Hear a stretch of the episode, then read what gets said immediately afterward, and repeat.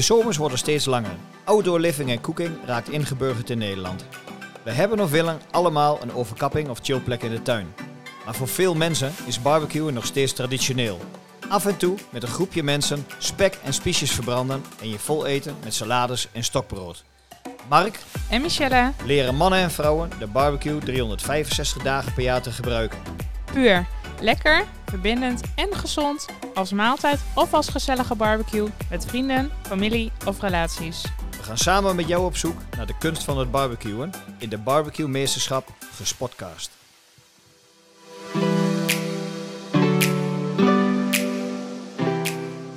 Hey Martijn, wijn en whiskyhuis Nijverdal. je bent er weer, jongen. Ja, ja. Hey, vandaag voelt als een soort blind audition voor je. Ja, Ja, Ja, heb, jij, heb jij de laatste tijd nog Aziatisch gegeten? eh, wij eten wel regelmatig Aziatisch, dat klopt. Dus Ja. eh, de umami-smaken zijn me wel bekend. ja, Nou, daar ben ik heel benieuwd. Want ehm, ja, we gaan vandaag eh, ja, out of the box eh, koken wat ons betreft. En ehm, ik ben heel benieuwd wat voor wijn-spijscombinaties jij erbij bedacht hebt. Michelle, wat is de uitdaging van vandaag? Vandaag gaan we maken een kreeft op Japanse wijze. oh my gosh. Ja, ja, ja. Is, is het Japans? ja, Japans. Met, je, met Japanse noedels. Kijk, Dus ja. ik ben heel benieuwd eh, wat jij daarbij gaat adviseren. ja, het is een uitdaging. Ik denk, ik ga met een gestrekt been erin. Ik pak twee uitersten. dus zowel de wijn als het bier. En ik verwacht dat een van de twee waarschijnlijk eh, onderuit gaat, omdat je misschien met umami-smaken komt, of juist niet. Maar beide passen heel goed bij een gegrilde, puur de gegrilde kreeft. Daar ben ik van overtuigd. Jij hoort het achteraf als je de podcast Yes, luistert, yes. Kom maar door. Waar, eh, waar moeten we rekening mee houden? Nou, sowieso dus met de kreeft. Ja. Ehm, ja, en ik denk dat we ook, eh, volgens mij gaan we miso-boter bij gebruiken en Japanse pepers. Oké. Dus ik ben wel heel benieuwd eh, ja, hoe dat eh, in combinatie gaat zijn. Maar dat Ja. zijn de dingen waar we rekening mee moeten houden voor vandaag. Wat voor wijn heb je bedacht, joh? Ja, ik denk ik ga er inderdaad, net wat ik zeg, ik twee, twee tegenovergestelde, zowel het wijn als bier. Dan ehm, heb ik het voor Hamilton Russell gekozen. Zo blij dat deze weer eh, in ons portfolio zit bij eh, Verbund Wijnkoperijen. Ehm, Hamilton Russell is echt een oude liefde van me. Het is eh, Zuid-Afrika, de hemel- en aardevallei. En dit is waar, waarop ik verliefd word op, op een Sauvignon Blanc. Bizar goed. Het is drie kilometer van de kust af. Liggen de wijngaarden. En ehm, het heet Hamilton Russell Southern Ride. En Southern Ride is een walvis die daar inderdaad in de baai zwemt. Ehm, een deel van de opbrengst gaat ook naar onderzoeken voor de Southern Ride. Dus wat dat betreft is er ook nog een stukje eh goeddoenerij. En Hamilton Russell is niet zomaar het eerste de beste Zuid-Afrikaanse huis. Echt, ze scoren van de bekende plattergids scoren ze heel hoog iedere keer. Dus het, eh, het is een mooie Sauvignon Blanc. Limoentje, een zuurtje, een frissigheidje in zich. Ehm, de, de grond is ook een beetje steen en klei. Dus je, je, je haalt er wat frissers, wat mineralen haal je eruit. Echt een lekkere fris, frisse wijn. Hij zit eh, drie kilometer aan de kust. Dus je hebt ook de maritieme invloeden. Misschien zelfs wel een zoutje erin. En voor de niet-wijnkenners, dit is dan een witte wijn, toch? Dit is de witte wijn. Ja. Sauvignon Blanc. En qua bier? Qua bier, helemaal de andere kant op. Een, eh een artisanaal bier, brouwerij. Artisanaal houdt eigenlijk in dat je er niks aan verandert. Dus bier brouwen zoals het bedoeld is. En dat is Van der Rijken de speciale. En dat is een amber biertje. En die eh, heeft wat meer volheid, wat bitters in zich. En eh, ja, dan ga je een, een stevigere... Je moet ervan houden, moet ik zeggen. Je ziet het ook terug op Untapped, dat hij een 3.1 eh scoort. Dat is op zich wel bovengemiddeld. Maar als je dan verder leest in Untapped, dan zie je dat de een you love it en de ander you hate it. Dus dat is ook een dingetje. Ik ben benieuwd welke dat gaat winnen van deze twee. Hè? Ja. Nou, we gaan het zo ervaren. Ja, hey, eh, super bedankt voor je advies weer. Ja, graag En, eh, gedaan. ja, je gaat niet meer proeven, maar eh nee, je hoort helaas. achteraf. Heb je een keer kreeft, eet ik niet mee. en bedankt hè. Tot de volgende. Hè. Hoi, hoi. Hoi. Nou, we hebben vandaag een eh, ontzettend mooie gast aan de barbecue tafel. Dirigent, ondernemer en ontzettende kookgek. Barbecue fanaat. Hij noemt zichzelf de barbecuende dirigent. En eh, je bent actief onder de, de naam Cooking Conductor. Je bent 55, hij is 55 jaar en zijn naam is Roy Voort. Roy, welkom bij ons in de podcast. Leuk om hier te zijn. Dankjewel. Volgens mij eh, hebben we in de rubriek Barbecue een, eh, een vraag van jou, Roy. Ja, ik, eh, in voorbereiding op, op, op deze podcast heb ik op jullie website gekeken en barbecue meesterschap, fascinerend. Maar daar zag ik ook aan, zag ik ook dat jullie benadrukken heel puur te koken, heel puur met barbecue. Wat is voor jullie puur? Ja, dat is een hele mooie vraag.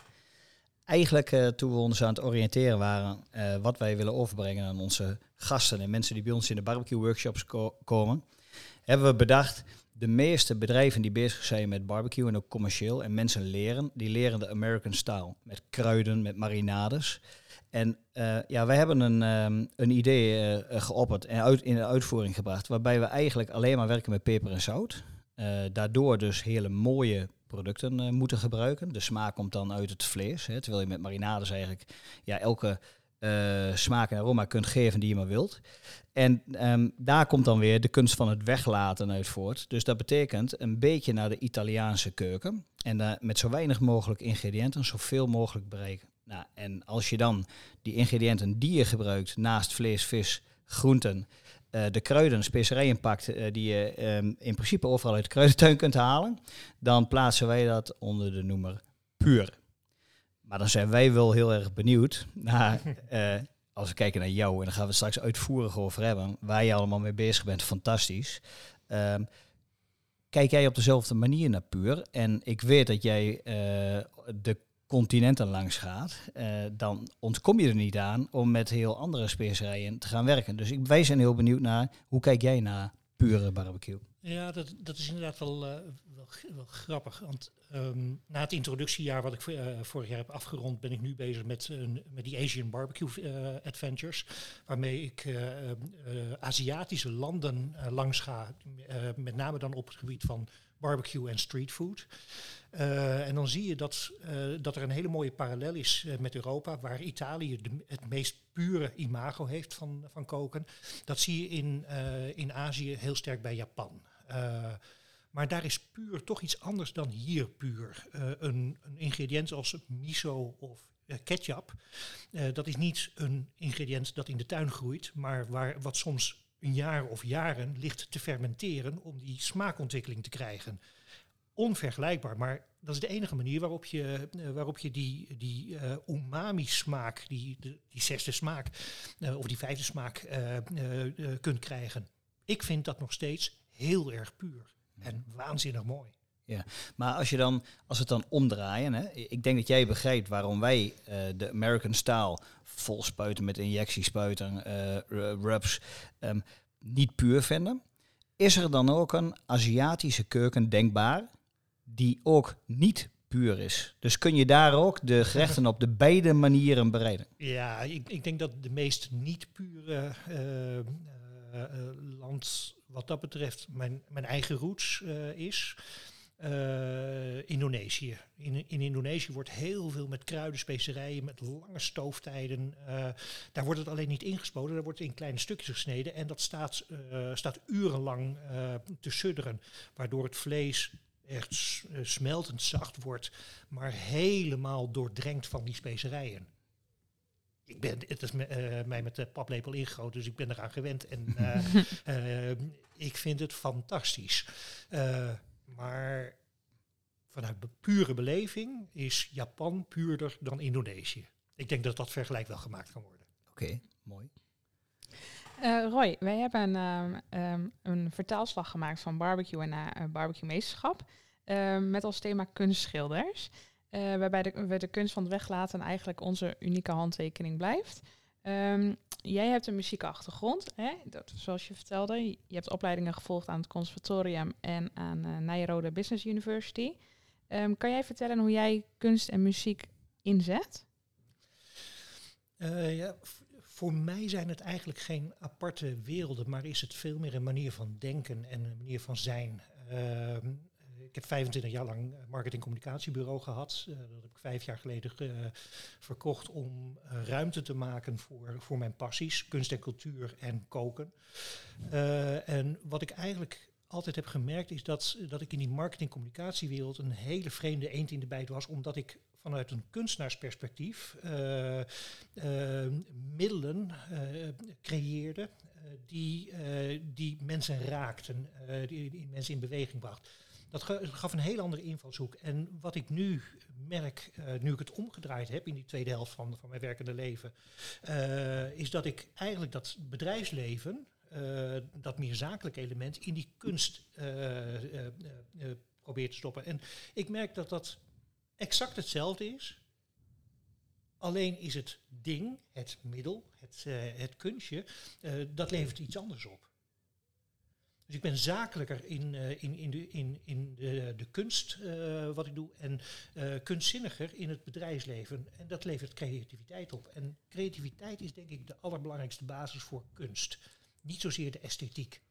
Maar gebruik je dan ook de kunst van het muziek? Dus de muziek gebruik je dat ook in je, in je, in je food, in je, in je, tijdens de barbecue aan?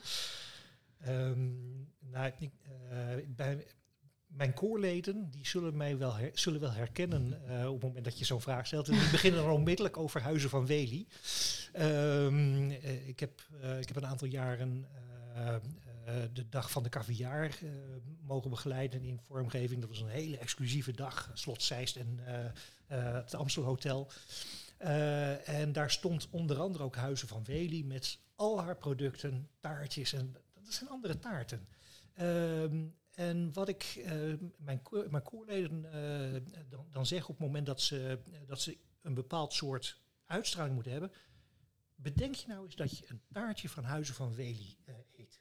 Dat is niet een gewoon taartje van de bakker op de hoek, maar er zitten heel veel laagjes in. Die, dat, dat geniet je, lepeltje voor lepeltje, en je, je bent je bewust van alle laagjes, van alle smaakjes. En op het moment dat je dat ook met zingen doet, dan ga je een andere toon vormen, ga je een ander verhaal vertellen. En dat is waar het uiteindelijk allemaal om gaat. Of het nou een, een kunstenaar is of een, een, eh, een hele goede eh, eh, pitmaster. Je moet het verhaal kunnen proeven. En het verhaal neemt je mee. Ja, mooi. Ja, en dat is natuurlijk een hele mooie brug naar ja, het verhaal, naar jouw tweede carrière, waar we heel geïnteresseerd in zijn. Het zat natuurlijk altijd in je, ehm, maar vanuit jouw dirigentenachtergrond, ehm, met eh, jouw hobby's denk ik gecombineerd, koken, fotograferen, eh, kunst, beleven, wandelen en met name de beleving. Daar heb jij iets eh, mee gedaan. En wij zijn heel benieuwd. Je hebt een boek geschreven, hè? Buitenkok in vier seizoenen. Ik weet, we, we hebben net een, mooi gesprek met elkaar gehad. Er komen allemaal mooie boeken achteraan. Maar dat is ontstaan in de afgelopen periode. Nou, wij zijn hier eh, niet van de negatieve gesprekken over corona. Ik denk dat jij een voorbeeld bent van eh, hoe je anticipeert op veranderingen in, in, in deze wereld. En dat je dan je passie en je hart hebt gevolgd en iets hebt gedaan. Nou, dat is natuurlijk fantastisch. Het boek, waar alles denk ik samenkomt, ook de creativiteit. Wil jij ons vertellen eh, hoe je hiertoe gekomen bent? Nou ja, vooropgesteld, eh, corona is voor mij ook een drama. Ehm, als muzikus lig ik al een heel jaar stil. Eh, eh, ik heb al een heel jaar niet meer met mijn koren eh, mogen, mogen werken. Maar zoals Cruijff dat zegt, ieder nadeel heeft zijn voordeel. Ik had dus ook tijd. Ehm, en ik was toevallig net begonnen met, met het invullen van mijn derde passie na, na, nadat ik mijn bureau had verkocht. Eh, en die derde passie, dat, dat, is, eh, is koken. Eh, ik wilde gaan buiten koken. Ik had met Pik Rinek gepraat. Eh, een ontzettend mooie match. We, merkten dat die werelden heel goed aansloten. En toen brak corona uit. En mijn, mijn, hele directie, mijn, mijn muziekwereld, die, eh, die kwam stil te liggen. Ja, dus verdiepte dit, eh, eh, verdiepte dit verhaal zich. Een fantastisch avontuur. Eh, eh, je, je moet je voorstellen, ik, had wel eens gebarbecued en ik ben absoluut wel een, eh, wel een, eh, een ontwikkelde hobbykok. Maar buitenkoken eh, en ook echt de verdieping van buitenkoken, dat was voor mij nieuw. En dus was het een heel mooi, eh, mooi project om eh, vanaf dag één te volgen. Hoe selecteer je kamado tot, eh, tot hoe ontdek je vervolgens die hele wereld van het buitenkoken. Eh, en en dat, dat is 52 weken lang is dat een, eh, dat een vervolgverhaal geweest, wat uiteindelijk heeft geresulteerd in, in omdat ik die tijd had, eh, een, een waanzinnig mooi kookboek eh, waarin eh, 175 gerechten staan. Niet alleen maar vlees, maar ook heel veel groenten, eh, eh, vis, nagerechten. Eh, maar ook een deel van mijn ontdekkingstocht. Dus de achtergronden, eh, bijvoorbeeld, hoe selecteer je een, een Kamado? Hoe zoek, je, zoek je dat nou uit? Waar, baseer je dat op? Uh, de ene Kamado is de andere niet. Uh, het ene merk is het andere niet. waarom heb ik voor Big Green Egg gekozen en niet voor een, een van de andere merken? wat doe je met houtskool? Er zijn zoveel verschillende houtskolen. Iedere houtskool heeft zijn eigen stijl. Zelfs ieder houtskoolmerk ook weer zijn eigen stijl. Nou, al dat soort dingen staan in dat boek, heb ik, heb ik vermeld. accessoires. Uh, dus ongelooflijk veel accessoires voor, uh, voor, uh, voor de barbecue-wereld, voor de Kamado. Ik weet dat jullie daar niet zo van zijn. maar ik, ik in zekere zin wel. Ehm, maar in dat oerwoud van accessoires, wat, hoe, waar begin je mee? Wat heb je absoluut nodig om te kunnen starten? En wat maakt het barbecuen voor een hobbykok zoals ik uh, steeds leuker? Uh, of zijn het, uh, zijn het onzin accessoires waar, waar je de gracht ook mee kunt dempen, die je gewoon beter links kan gaan liggen? Maar ik weet zeker dat we het over één ding eens zijn. wij vinden dat als je heel goed kunt barbecuen, dat je minder accessoires nodig bent. En in de tweede plaats, als je een rotisserie bijvoorbeeld gebruikt, ik denk dat je kip mooier klaar kunt maken dan aan een draaispit. Maar één ding is zeker, want dat is ook het doel en meteen ook een vraag van ons aan jou. Jij hebt het het boek geschreven om kennis over te dragen. En dan voor de hobbykok, dus ook laagdrempelig, fantastisch mooi. Uh, ook hoe je het geschreven hebt, complimenten daarvoor. Dankjewel. Maar, maar welke, er kwam een moment dat jij ging nadenken, wat is nou mijn doelgroep? Wie wil je nou, uh, voor wie wil jij dit boek nou schrijven? En uh, kun je dat uitleggen? Uh, ja, nou, daar, was ik eigenlijk uh, wel al heel snel uit. Want dat, was ook een beetje de reden uh, van, van het hele project dat ik begon. Um, ik ben Barbecue 52, de cooking conductor, begonnen. omdat ik in die hele wereld van fantastische professionele chefs eigenlijk een beetje de toon van de hobbykok mis. dit boek is denk ik een heel mooi boek. van een hobbykok voor hobbykoks. Uh, met gerechten die, uh, die soms heel toegankelijk zijn, uh, maar af en toe ook net even wat meer vragen. nou, dat, dat is ook de ontwikkeling van, van een jaar. Dat als je iets langer ervaring op, op aan het bouwen bent, dat je dan ook rustig een keer een kingfish van, van 2,5 kilo aan, aan, op je rotisserie kan, kan hangen. Maar dat is best een dingetje hoor. Zo'n zo, zo, zo grote vis. Ja, dat begrijp ik. Maar dan, maar dan ook, ik weet bijna zeker dat je toen je begon aan dit boek geen 175 gerechten paraat had. Dus we zijn wel heel benieuwd, waar heb jij dan in die weken, in, die, in dat jaar, hè, in die periode dat je mee bezig was, waar heb jij dan uh, die gerechten compleet gemaakt? Waar heb je je kennis en inspiratie weggehaald? Nou, ik ben eigenlijk mijn hele leven al, uh, al hobbykok. Uh, en ik kook nooit twee keer hetzelfde. Ik kook ook. Uh, ja, de enige keer dat ik, dat ik van recept heb gekookt is boerenkool. Dat vind ik een heel ingewikkeld gerecht. Want, dat komt heel nauw. Dat verzin ik niet. Dat je de boerenkool op de, de aardappelen moet leggen om, om, om te garen, vervolgens stampen. Maar ik ben heel erg gewend om, uh, om uh, puur op gevoel en vooraf inbeelden van wat voor smaken wil ik hebben, uh, wat wil ik creëren, om, om dat in te vullen. En daar komt ook weer een beetje, denk ik, dat kunstenaarskant kijken. Ik, ik ben een creatief type kok. ik heb heel veel kookboeken. dat vindt mijn vrouw niet altijd even leuk, maar ik heb heel veel kookboeken. Uh, en die lees ik veel meer als inspiratiebron. Als, uh, uh, ik kijk veel plaatjes, ik, ik, zie wat, wat voor smaken er gecombineerd worden. Maar daar, daar doe ik vervolgens mijn ding mee. Zo'n boek als dit en ook het, het jaar zoals ik hem nu weer heb gepland. Ik maak vooraf een, een volledige jaarplanning. en, en vervolgens ga ik per keer kijken wat ik ga doen. Hoe ik het ga opbouwen. Bij, uh, bij de Asian Barbecue Adventures ligt dat anders, omdat dat echt wel, uh, daar ligt een belangrijke leidraad van, uh, van authentiek koken. Dus authentieke gerechten uit de, uit de regio, uit de verschillende landen. maar daar bouw ik ook wel weer een lijn in waarin ik een brug wil slaan met ingrediënten uit die regio en vervolgens op een westerse manier gebruiken.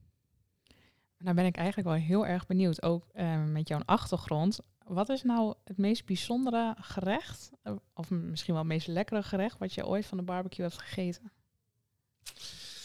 Eh, het meest bijzondere is iets anders dan het meest lekkere. Ehm, het meest bijzondere gerecht, eh, die staat ook in, eh, in het boek. Eh, ik was bij een islamitische slager en was eigenlijk op zoek naar kalshersentjes. voor op de barbecue. Ik ben gek op orgaanvlees. Dus dat is een, een heel mooi type, type structuur. wat ook heel goed op de barbecue kan. Maar hij had het niet. Eh, en eh, hij zei van, probeer dit eens. Neem dit maar eens mee. Eh, toen kreeg ik het gewoon gratis van hem mee. Dus ik keek naar de vorm en toen vreesde ik al dat ik het, dat ik het herkende. Ehm, eh, dat, dat waren lamstestikels. Ehm, ik moest toch even, ja, ik liep daar met dat plastic zakje van die, van die liep ik de huis. Ik had zoiets, oké, ja. Ehm, maar ik heb ook zoiets van, je, kan er pas een oordeel over hebben als je het geproefd hebt. Eh, en hij zei, het is absoluut lekker op de barbecue. Dus nou ja, als hele volksstammen dat lekker vinden op de barbecue, dan vind ik, dan moet je het proberen. Dan, dan kun je zeggen of het lekker is op de eh, barbecue. Het is heerlijk. Oh, De barbecue, ja, echt. En, en eh, ik, qua structuur heeft het een beetje van zwezerik weg, hard zwezerik. Eh, eh, eh, maar ja, ik moest wel even ergens overheen stappen om vervolgens dat harde vlies eraf te halen. En vervolgens, nou ja, laat Maar- maar. Maar Kijk, moet je, dat dan ook eer- moet je dat dan ook eerst voorkoken? Of leg je Nee. dat zo op de grill? Dat leg je, leg je zo op. Een beetje, een beetje peper, een beetje zout. Eigenlijk wel heel puur zoals jullie koken. Het zou voor jullie het ideaal gerecht zijn. Leuk voor tijdens de workshops. Daar gaan we iets mee doen. ja. Absoluut. Hey, je, je, we hadden het je niet gevraagd, maar je gaf het net wel aan. Eh, je gaat de continenten langs. Dus het eerste boek, denk ik, groot succes. Ehm, ik mag verklappen, want dat hebben we net met elkaar besproken, dat het boek zeer binnenkort ook bij ons verkrijgbaar is. Ik hoop die boeken die erachteraan komen ook, Roy. Maar eh, je gaat eh, ehm, ja, beginnen in Azië, maar je gaat verschillende continenten langs. Kun je, kun je ons vertellen wat je nou precies gaat doen de komende periode? Ja, eh, wat ik heel erg leuk vind, dat is ook het eh, type mensen en ook het type eh, nou, buitenkok dat ik, dat ik dus ben. Ik, ik wil meer weten van, van wat, wat, wat ik dan op die grill leg, wat ik doe. Ik hou van achtergrondkennis. En wat ik, er, zijn wel heel veel receptenboeken over bijvoorbeeld Aziatisch koken of over Amerikaans koken, maar er, er is niet echt een, een hele mooie serie die eh, authentieke eh, gerechten eh, koppelt aan het, het culinaire erfgoedverhaal wat erachter steekt. Nou, wat ik heb be- bedacht is, is dat ik de komende vijf jaar, ieder jaar, 52 weken weer, een, een continent centraal zet waar veel gebarbecued en streetfood vandaan komt. En en vijf jaar lang, dus vijf continenten, eh, een, een verzameling gaan maken. Ik begin bij, bij de roots, de roots van de Kamado, Japan, en mijn eigen roots, eh, Indonesië. En, en dus Azië is als eerste jaar. En gaandeweg wil ik op die manier naar Australië, Nieuw-Zeeland, eh, Afrika toe, naar, eh, naar Zuid-Amerika en eindigen in 2026, als het allemaal een beetje, een beetje lukt, eh, in, eh, in Amerika. Eh, dan sla ik eerlijk gezegd Europa een beetje over. Daar gebeuren ook hele mooie dingen, maar dat pak ik tussendoor wel gewoon in mijn vrije tijd. dat is mooi, hè? Mooi, mooie toekomstplannen. Ja. Ja, Hey Roy, we spraken eh, voor de podcast al eventjes samen. En daar vertelde je mij dat volgens jou 1 plus 1 niet altijd 2 hoeft te zijn. eh, maar zelfs wetenschappelijk, wetenschappelijk onderbouwd dat het veel meer kan worden. Kan je dat uitleggen? Ja, dat, dat zijn van die, eh, van die mindfuck eh, dingetjes. Hè? Ehm, eh, die, die op hetzelfde ko- neerkomen als negen stippen op een lijn en met vier eh, eh, of, of negen stippen op een vel papier in een, eh, in een vierkant en met vier lijnen allemaal verbinden. Zonder het, dat kan.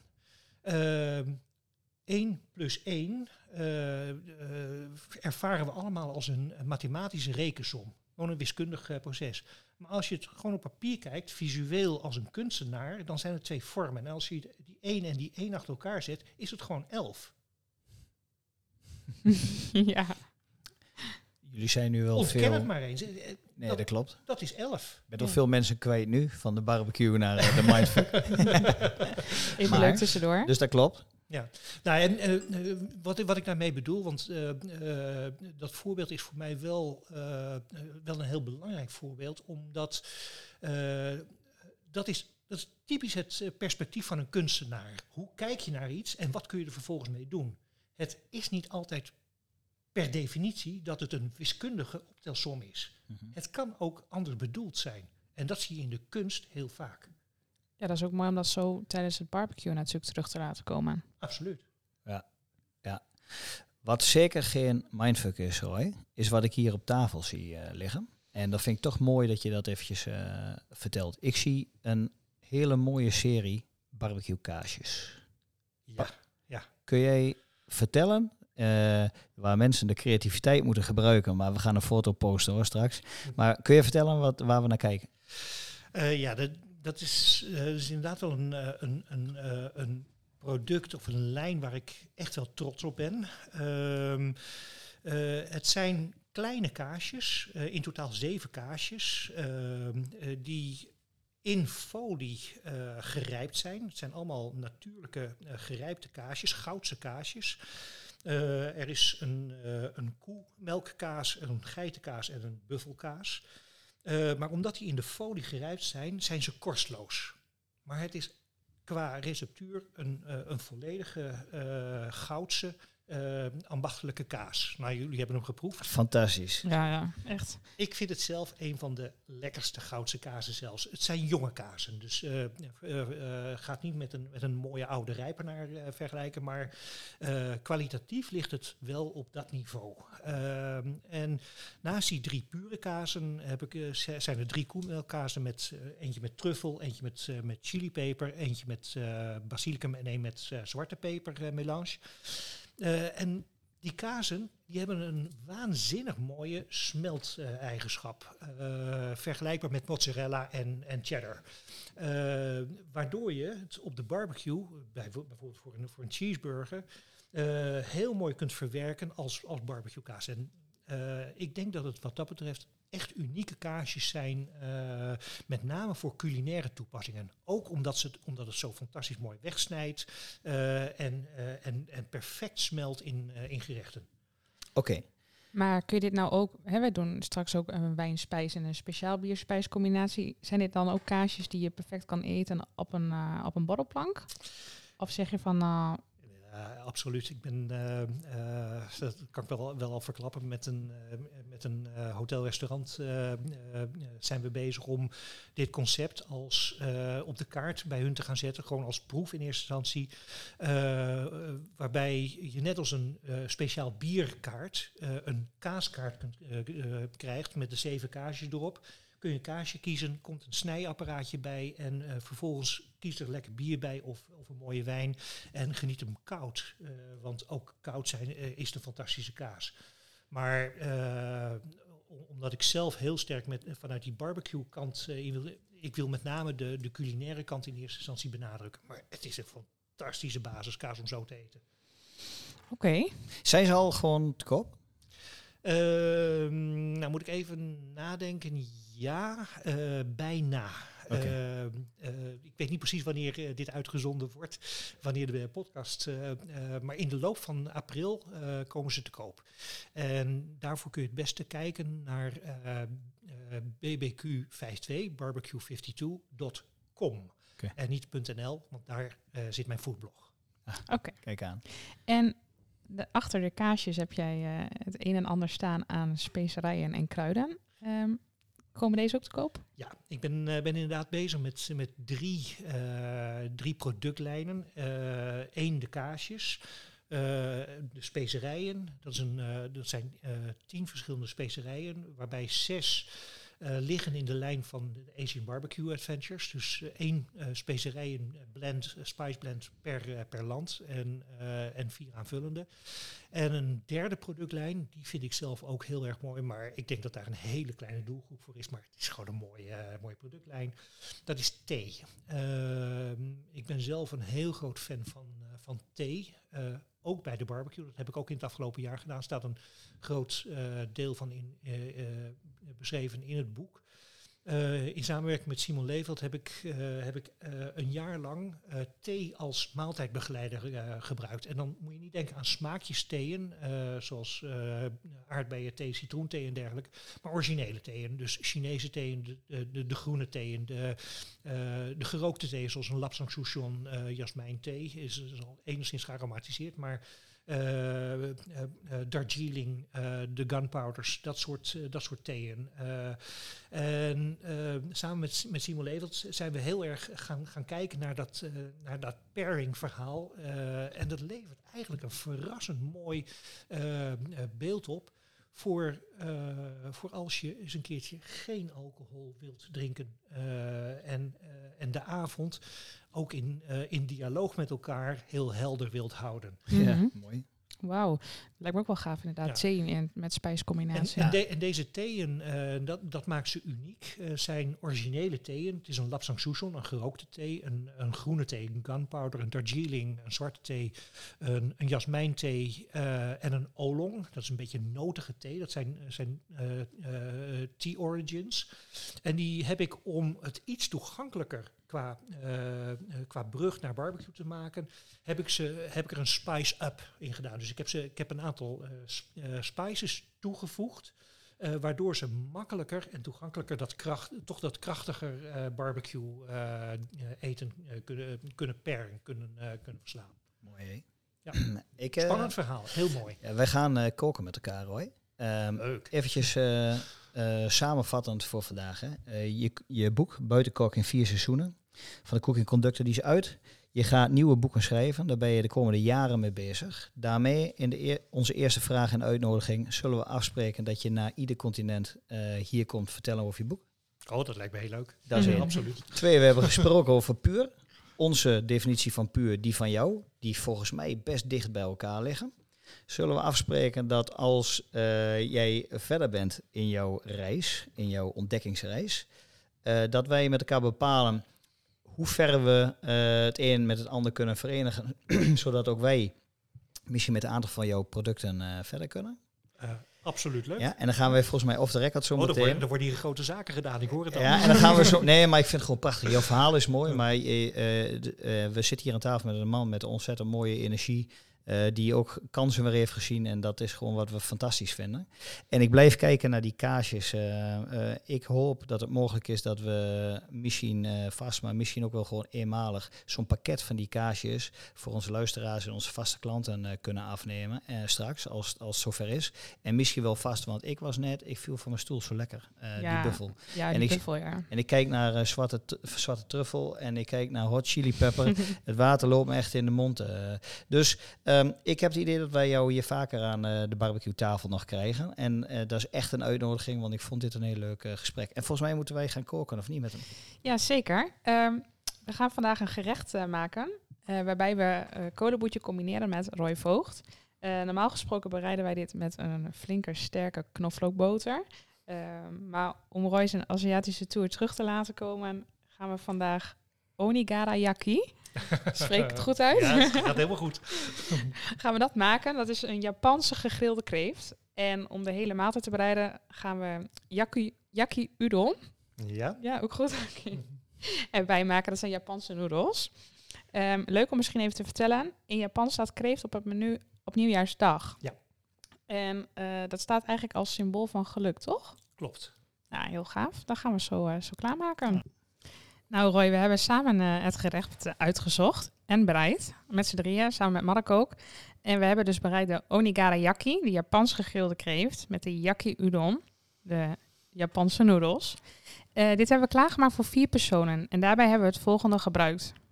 Om de sancho boter te maken hebben we gebruikt 150 gram verse ongezouten boter, 1 eetlepel rode donkere miso, eh, zes van één limoen, 2 theelepels sancho, dat is een geurige Japanse peper.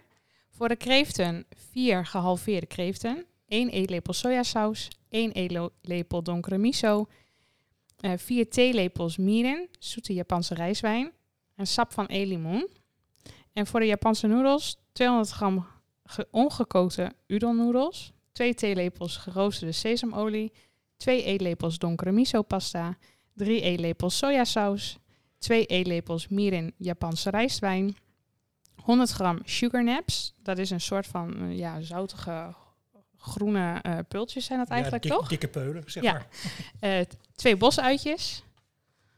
Even spieken. En een paar kleine baby groene asperges van die baby tips. 100 gram Japanse groene sojaboontjes. 1 teentje knoflook, 1 eetlepel verse gember, 2 grote koningsoesterzwammen en 2 eetlepels zwarte sesamzaad. Ja, het is een eh, behoorlijke lijst. Ja, best wel meer dan dat we Als je het normaal zo voorleest, dan eh, krijg ik weer honger. Ja, en één ding, want je zegt eh, Japanse rijstwijn, maar er moest ook nog zoeter zijn, hè? Ja, het is, dat is echt mirin. Mirin is een speciale eh, kookwijn uit Japan. Ja, dat is een goede om te noemen. Nou, we hebben de noedels eh, drie minuten in gekookt water gelegd. En daarna afgespoeld met, eh, met, met koud water. Zodat ze koud waren voordat ze op de wok gingen. En wat hebben we nog meer gedaan? Eh, nou ja, wat ik bij het barbecue, en zeker eh, dit soort snelle barbecue eh, doe, eh, is eigenlijk alles al voorsnijden en voormengen, zodat als, zodra je gaat wokken, eh, want het gaat, dat is in 10 minuten, minder dan 10 minuten is het klaar. Eh, Zo'n wok die wordt heel erg heet, het is ook een hele dunne plaat, dus dat moet je klaar hebben staan, zodat je het er alleen maar bij hoeft te gooien en, en kunt, kunt, kunt roeren en, en, en, en zo leuk zo'n zo'n wok opgooien. Ah, prachtig. Dat is toch een beetje het showkoeken ervan. Ja. Ehm, eh, maar alles voorbereiden, voorsnijden, voormengen wat, eh, wat je voor kunt mengen. Eh, de, de sausjes bij elkaar alvast, zodat het allemaal klaar zit. De, de boter, die moet je echt wel vooraf maken. eh, zodat je die nog even in de koeling kunt laten opstijven en die smaken op elkaar in laten werken. En dan in hele dunne plakjes erbij. Zo dun mogelijk, zodat het, zodat op de barbecue, als je de kreeften gekeerd hebt, er, een heel klein beetje boter op komt. En dan uiteindelijk nog, nog wat eh, koude boter bij het serveren op het bord. Die kreeften die, eh, die rooster je eerst op de vleeskant. Die smeer je in met die saus. met die, ja, het is een beetje een teriyaki-achtige saus. Die miso sojasaus. Daar grill je eerst op. Dan komen die, die donkere umami smaken zo lekker. en, en er zit ook wat zoetigs in. eh, komen, komen lekker in die kreeft naar boven. En als je hem dan omdraait en op de schaal verder gaart, dan leg je er die plakjes eh miso-boter op. eh, die dan eh, zo lekker smelten in dat, eh, in dat, dat kreeftenvlees Ja, en, en er helemaal intrekt. Nou, kun je mij wegdragen? Ja, nou, nou, we gaan zo meteen vertellen hoe het smaakte en, en de wijnspijs en bierspijs combinaties erbij. Wat even belangrijk is voor de barbecues. Wij hebben hier natuurlijk de luxe dat we heel veel barbecues hebben staan. Dus we hebben een Kamado Joe Classic 3 eh, zo ingesteld dat we de wok erin konden zetten. Hè. Ehm, houtskool erop hoge temperatuur. Dus ik heb hem op eh, drie punten aangestoken. Dat eigenlijk een groot deel van de houtskool brandde. Want je hebt, je hebt hitte nodig. Ja, en die kreeft hebben we gewoon even op, eh, op de um, extra large. Ja, veel te groot, dat is natuurlijk niet nodig. Maar hebben we gegrild. En ehm, temperatuur hadden we van zo rond de 170 graden. Maar dat is prima. Ja, ja, ja. Het hele recept is terug te lezen op barbecue52.nl en in onze community. En de link zullen we al straks onderin de posting even delen. Nou, we hebben het eh, gerecht bereid en geproefd. Nou, hartstikke leuk om te doen natuurlijk. Dikke actie met die eh wok op de barbecue. Gebruiken wij eigenlijk ook niet vaak. Maar ik kan me zo voorstellen, Michelle, dat we dat vaker gaan doen. Want dit was echt hartstikke leuk, hè? Ja, super gaaf. Ja, ja. Dus ehm, nou eventjes naar de proeverij. In de eerste plaats de kreeft. Laten we daarover beginnen. Wij kennen hem met roomboter, maar dit was met miso-boter. Ik vond het echt een unieke, maar super mooie smaak. Jij, eh, Michelle? Ja, echt heel verrassend. Ik heb natuurlijk de boter eh, vooraf met Roy gemaakt. En toen heb ik de, de zwarte peper, de, de Japanse peper, hoe heet die? Sancho. De Sancho. Die hebben we al fijn gemalen. En wat de geuren die toen al vrij kwamen, die citrus eh, smaak en dat geur, de smaak en, dat, en het bloemige. Echt onbe- onbeschrijfelijk hoe mooi. Ehm, en die misin, Miso. oh miso, sorry, miso, dat was ook echt ja, heel intens.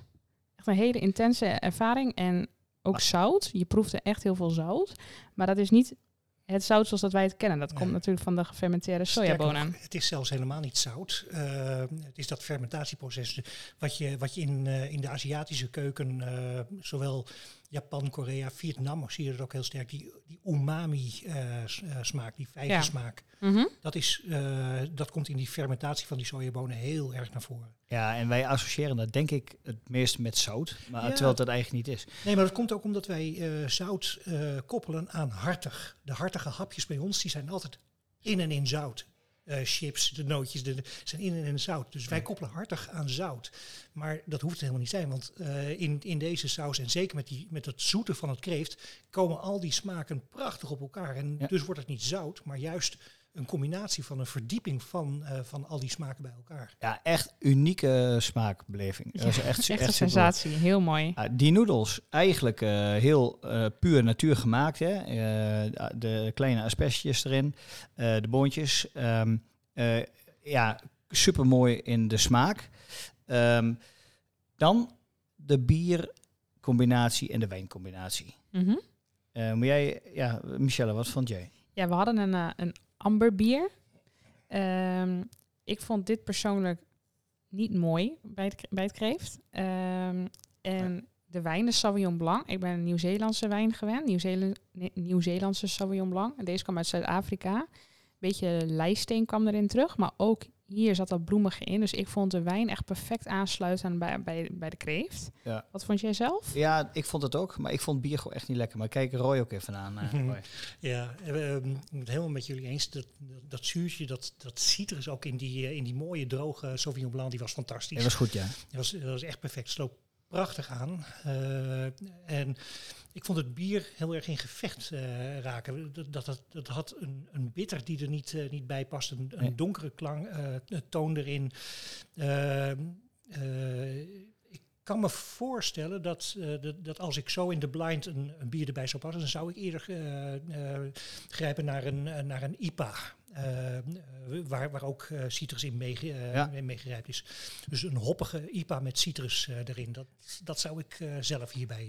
eh, Maar heb, jij maar heb jij ook een beeld bij welke typische smaak uit het gerecht eh, de, zeg de mismatch was? Dat, is dat dan toch de miso? Miso boter, zeg maar? Ehm, ja, dat is, dat is op zich wel een, een mooie vraag. Ja, ik denk dat dat toch dan die umami met de bitters, eh, want er, er zit al veel bitter in, in het gerecht. En, en bij kreeft wil je dan eh, dat bittere niet benadrukken. Nee, Eh, dat gebeurde. Dat wil je omhoog halen. En dit benadrukt eigenlijk de bitters. Ja. Eh, omdat het al genoeg in die, in die combinatie van smaken zit, zou ik, eh, zou ik veel meer naar iets lichts, iets, eh, iets frissers eh, zoeken. Ja, ja, ja.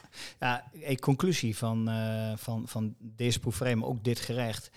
Ver van ons bedshow, maar uniek lekker. Ehm, en puur. De definitie van puur verandert niet, maar wordt breder wat ons betreft. En daar past deze heel mooi in, maar daar past ook jouw boek eh, heel mooi in. De gerechten uit je boek, Buiten Kok in vier seizoenen.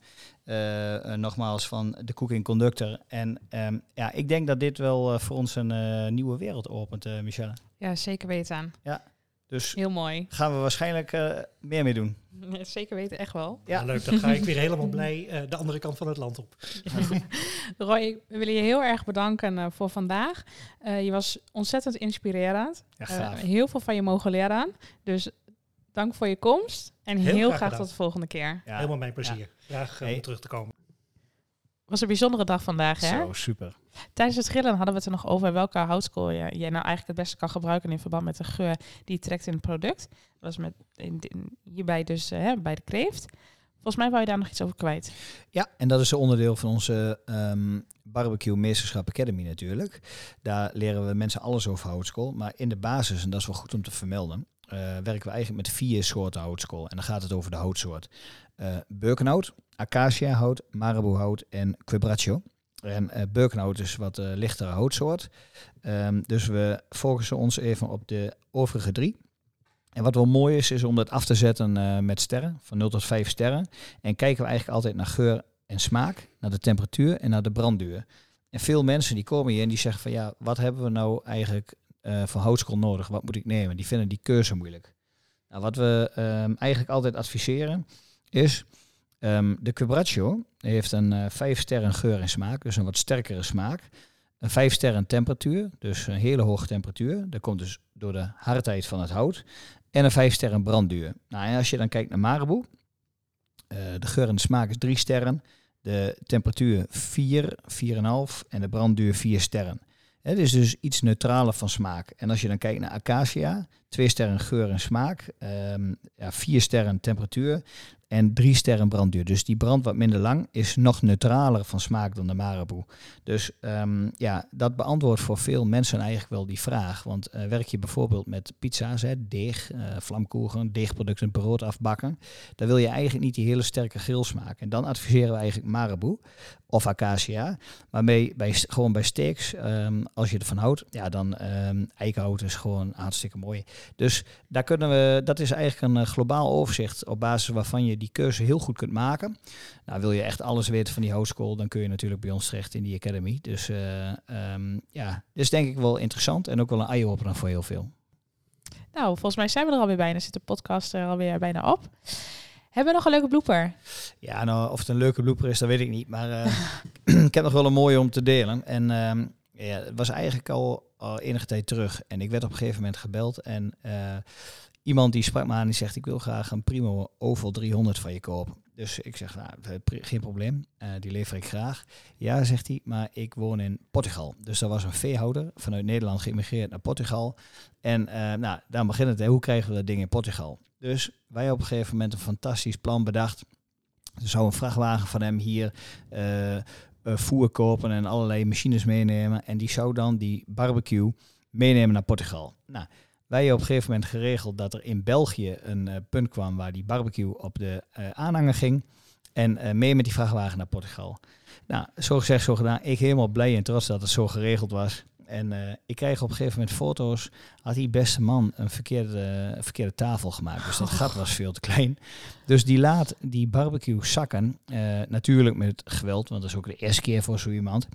En het was zo'n stalen blad, dus RVS. Dus die barbecue met de keramiek, die zakte in die tafel. En die zit natuurlijk meteen vast in, die, in dat RVS. En daarmee ook natuurlijk een dikke, forse beschadiging in de keramiek. Ja, en kijk, die man die geeft natuurlijk serieus geld uit voor een goede barbecue. Die maakt vervolgens die fout. Maar je kunt je voorstellen hoe je je dan voelt. Je wilt met zo'n ding aan het werk. Dus over en weer balen. Nou goed, uh, je kunt daar het een en ander aan uh, repareren. Maar zo'n barbecue natuurlijk nooit meer nieuw. Dat is eigenlijk, um, ja, achteraf uh, komt allemaal goed. Maar is wel een dingetje. Dat is eigenlijk de reden waarom wij altijd zeggen van, joh, wij zetten die barbecues in elkaar. Brengen die barbecue netjes bij de mensen thuis. En nou ja, zoals iedereen van ons gewend is, daarbij ook een privékliniek om uh, zeg maar het maximale uit je product te halen. Het is voor zo'n klant, zeg maar, die dat ding bij ons heeft gekocht, heel vervelend dat zoiets gebeurt. Maar natuurlijk voor ons ook, want je maakt daarmee een valse stad van zo'n mooi product. Dus ja, um, ja ik denk, uh, uh, die dingen gebeuren, helaas. Hè, en daar kunnen we niet altijd wat aan doen. Maar um, ja, wat ik zeg, dat is wel de reden dat wij het anders proberen te verkopen, toch? Ja, zeker. Ja. Nou, dan um, denk ik... Was het er weer? Ja, hè? Ja. Dan gaan we door naar de volgende. Bedankt weer voor een superleuk podcast. Ja. Tot de volgende. Hey, doei.